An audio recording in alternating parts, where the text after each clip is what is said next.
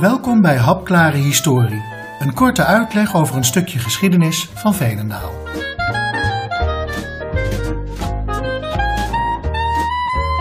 Binnenkort mogen we weer naar de stembus om een nieuwe gemeenteraad te kiezen.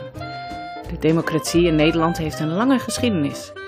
En ook over Veenendaal en verkiezingen valt er veel te vertellen.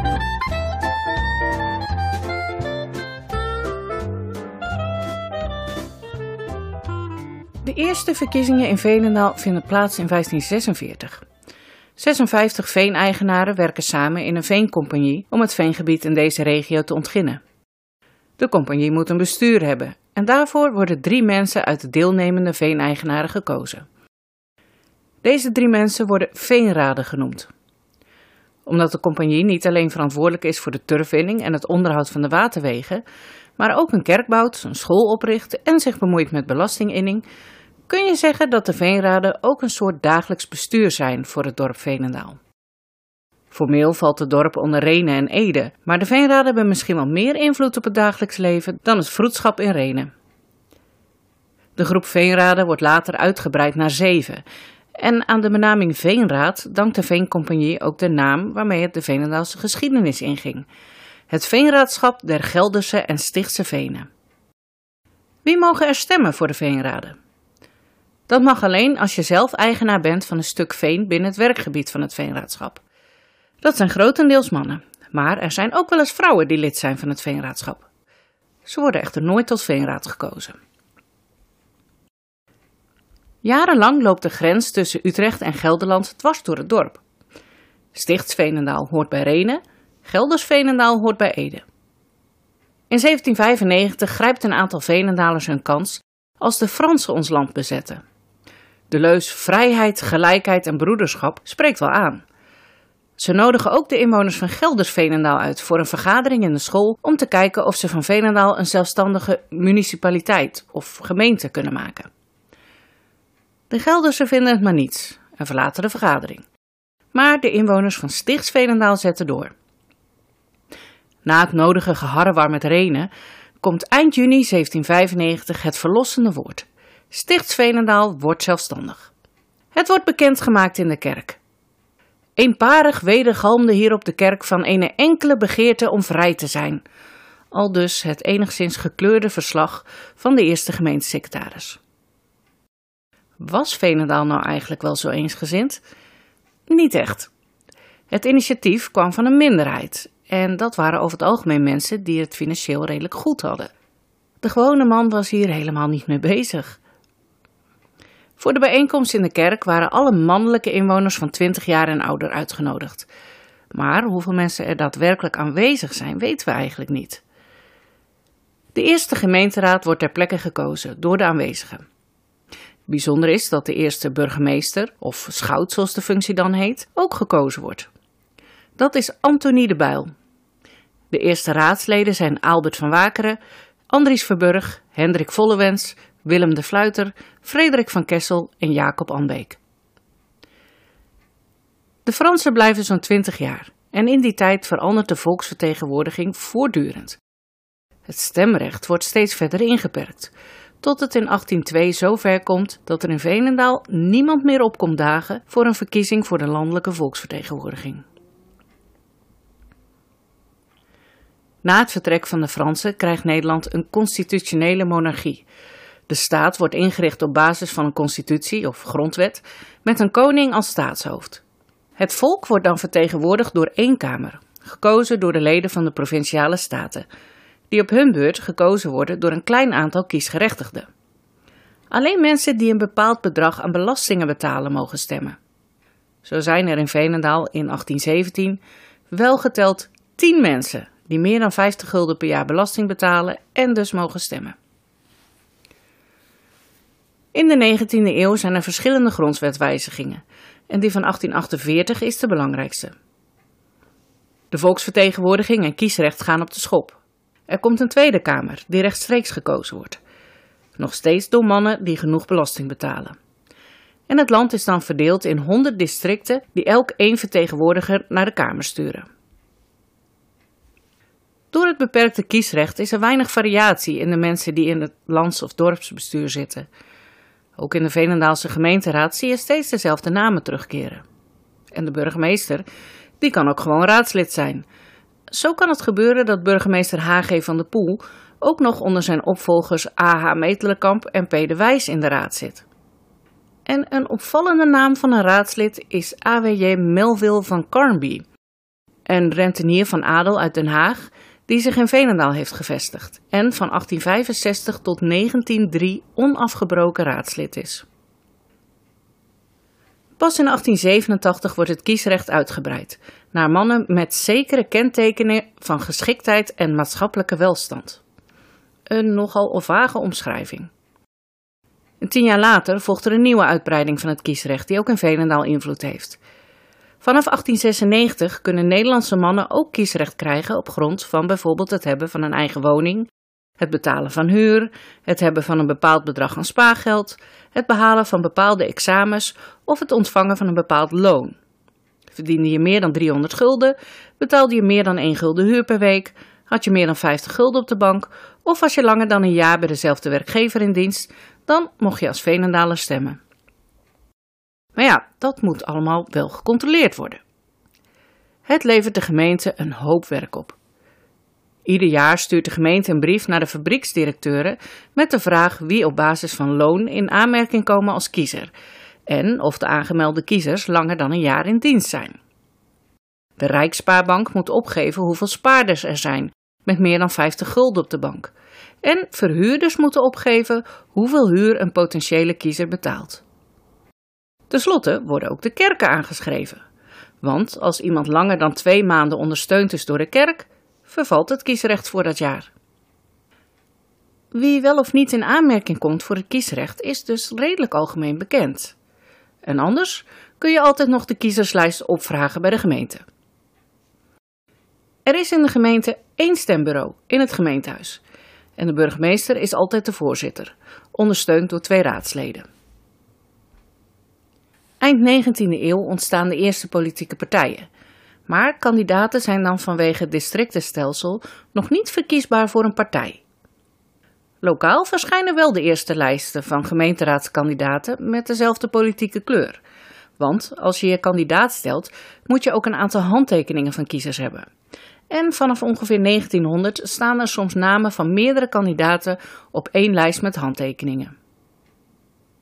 In 1917, de laatste verkiezingen onder het oude kiesrecht, brengt de gemeenteraadsverkiezing een hoop onrust in het dorp. Er zijn namelijk klachten over ongeoorloofde hulp aan kiezers in het stemhokje. Bijvoorbeeld dat een raadslid in het stembureau tegen een kiezer gezegd zou hebben welk hokje hij rood moest maken. Vanwege deze klachten wordt de uitslag van de stemming ongeldig verklaard. En de zaak loopt letterlijk en figuurlijk hoog op. Uiteindelijk moet zelfs de kroon eraan te pas komen. En die verklaart dat de hulp niet onwettig was en dat de uitslag rechtsgeldig is. Later datzelfde jaar wordt na een felle landelijke strijd het algemeen kiesrecht voor alle mannen van 23 jaar en ouder ingevoerd. Er geldt vanaf dat moment zelfs een opkomstplicht. Je moet in ieder geval naar het stembureau komen. In 1917 wordt ook het districtenstelsel vervangen door evenredige vertegenwoordiging. Het aantal Kamerleden is afhankelijk van het aantal inwoners. En dat geldt ook voor de gemeenteraad. Iedere kiezer mag op elke kandidaat stemmen en vrouwen mogen zich voor het eerst kandidaat stellen. In 1918 wordt de eerste vrouw in de Kamer gekozen, al mogen vrouwen dan zelf nog niet stemmen. Het zal nog een jaar duren voor er echt sprake is van algemeen kiesrecht.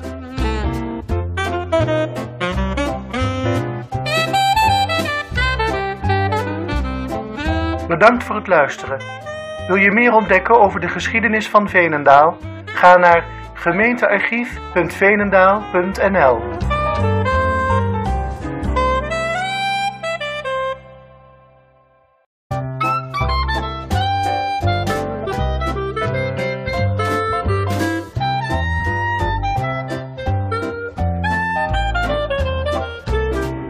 Welkom bij Hapklare Historie, een korte uitleg over een stukje geschiedenis van Veenendaal.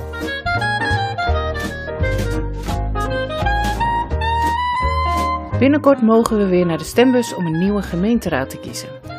De democratie in Nederland heeft een lange geschiedenis. En ook over Veenendaal en verkiezingen valt er veel te vertellen.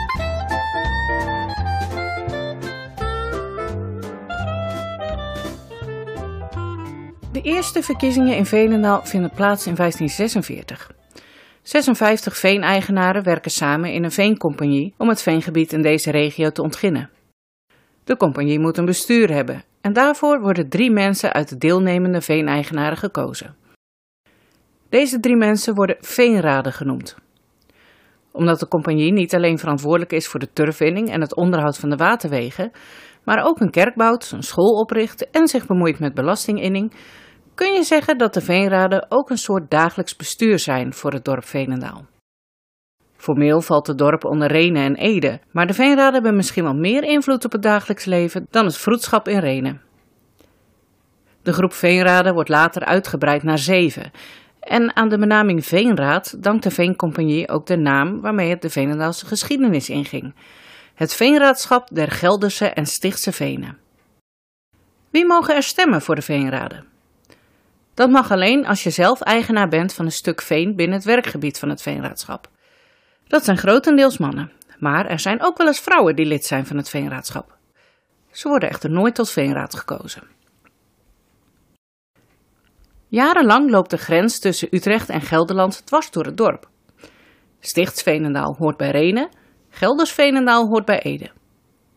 In 1795 grijpt een aantal Veenendalers hun kans als de Fransen ons land bezetten. De leus vrijheid, gelijkheid en broederschap spreekt wel aan. Ze nodigen ook de inwoners van Gelders-Veenendaal uit voor een vergadering in de school om te kijken of ze van Veenendaal een zelfstandige municipaliteit of gemeente kunnen maken. De Geldersen vinden het maar niets en verlaten de vergadering. Maar de inwoners van Stichtsveenendaal zetten door. Na het nodige geharrewar met Renen komt eind juni 1795 het verlossende woord. Stichtsveenendaal wordt zelfstandig. Het wordt bekendgemaakt in de kerk. Eenparig wedergalmde hier op de kerk van een enkele begeerte om vrij te zijn.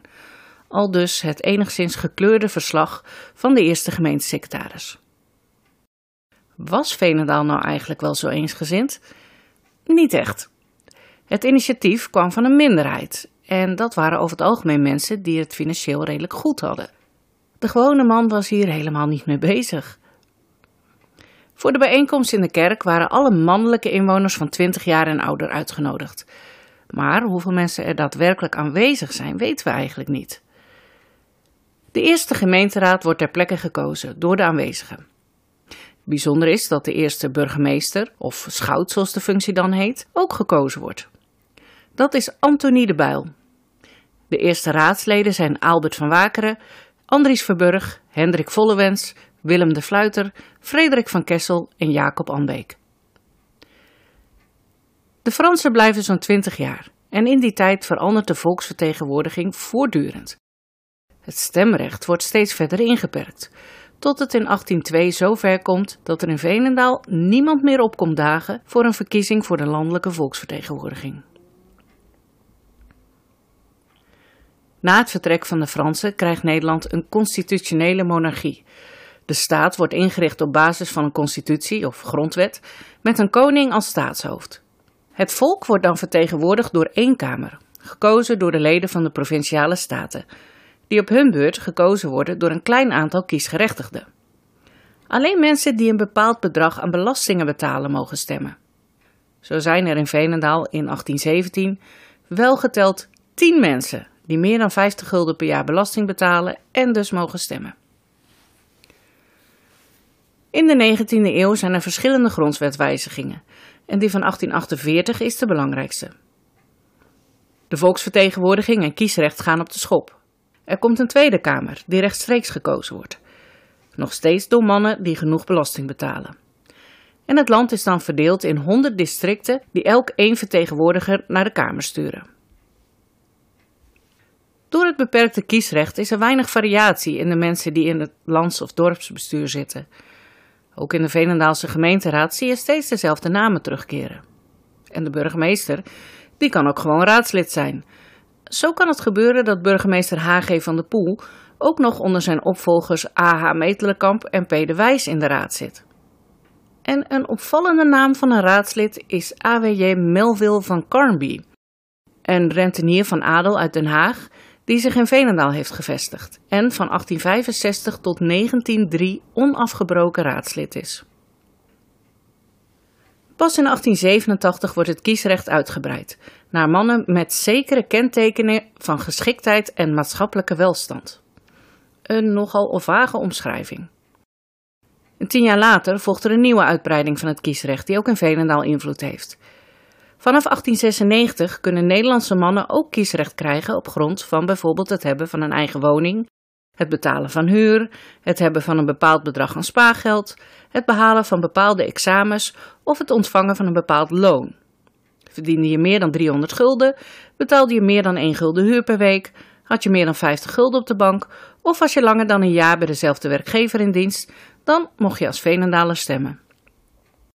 Maar ja, dat moet allemaal wel gecontroleerd worden. Het levert de gemeente een hoop werk op. Ieder jaar stuurt de gemeente een brief naar de fabrieksdirecteuren met de vraag wie op basis van loon in aanmerking komen als kiezer en of de aangemelde kiezers langer dan een jaar in dienst zijn. De Rijksspaarbank moet opgeven hoeveel spaarders er zijn met meer dan 50 gulden op de bank.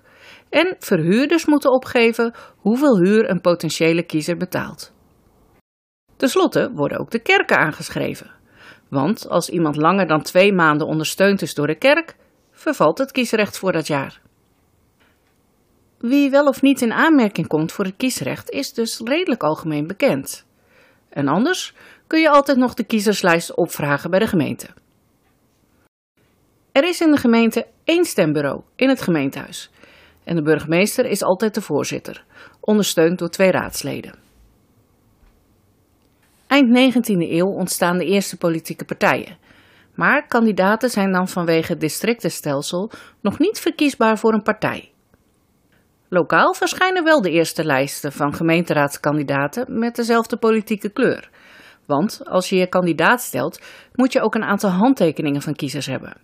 En vanaf ongeveer 1900 staan er soms namen van meerdere kandidaten op één lijst met handtekeningen. In 1917, de laatste verkiezingen onder het oude kiesrecht, brengt de gemeenteraadsverkiezing een hoop onrust in het dorp. Er zijn namelijk klachten over ongeoorloofde hulp aan kiezers in het stemhokje. Bijvoorbeeld dat een raadslid in het stembureau tegen een kiezer gezegd zou hebben welk hokje hij rood moest maken. Vanwege deze klachten wordt de uitslag van de stemming ongeldig verklaard. En de zaak loopt letterlijk en figuurlijk hoog op. Uiteindelijk moet zelfs de kroon eraan te pas komen. En die verklaart dat de hulp niet onwettig was en dat de uitslag rechtsgeldig is. Later datzelfde jaar wordt na een felle landelijke strijd het algemeen kiesrecht voor alle mannen van 23 jaar en ouder ingevoerd. Er geldt vanaf dat moment zelfs een opkomstplicht. Je moet in ieder geval naar het stembureau komen. In 1917 wordt ook het districtenstelsel vervangen door evenredige vertegenwoordiging. Het aantal Kamerleden is afhankelijk van het aantal inwoners. En dat geldt ook voor de gemeenteraad. Iedere kiezer mag op elke kandidaat stemmen en vrouwen mogen zich voor het eerst kandidaat stellen. In 1918 wordt de eerste vrouw in de Kamer gekozen, al mogen vrouwen dan zelf nog niet stemmen. Het zal nog een jaar duren voor er echt sprake is van algemeen kiesrecht.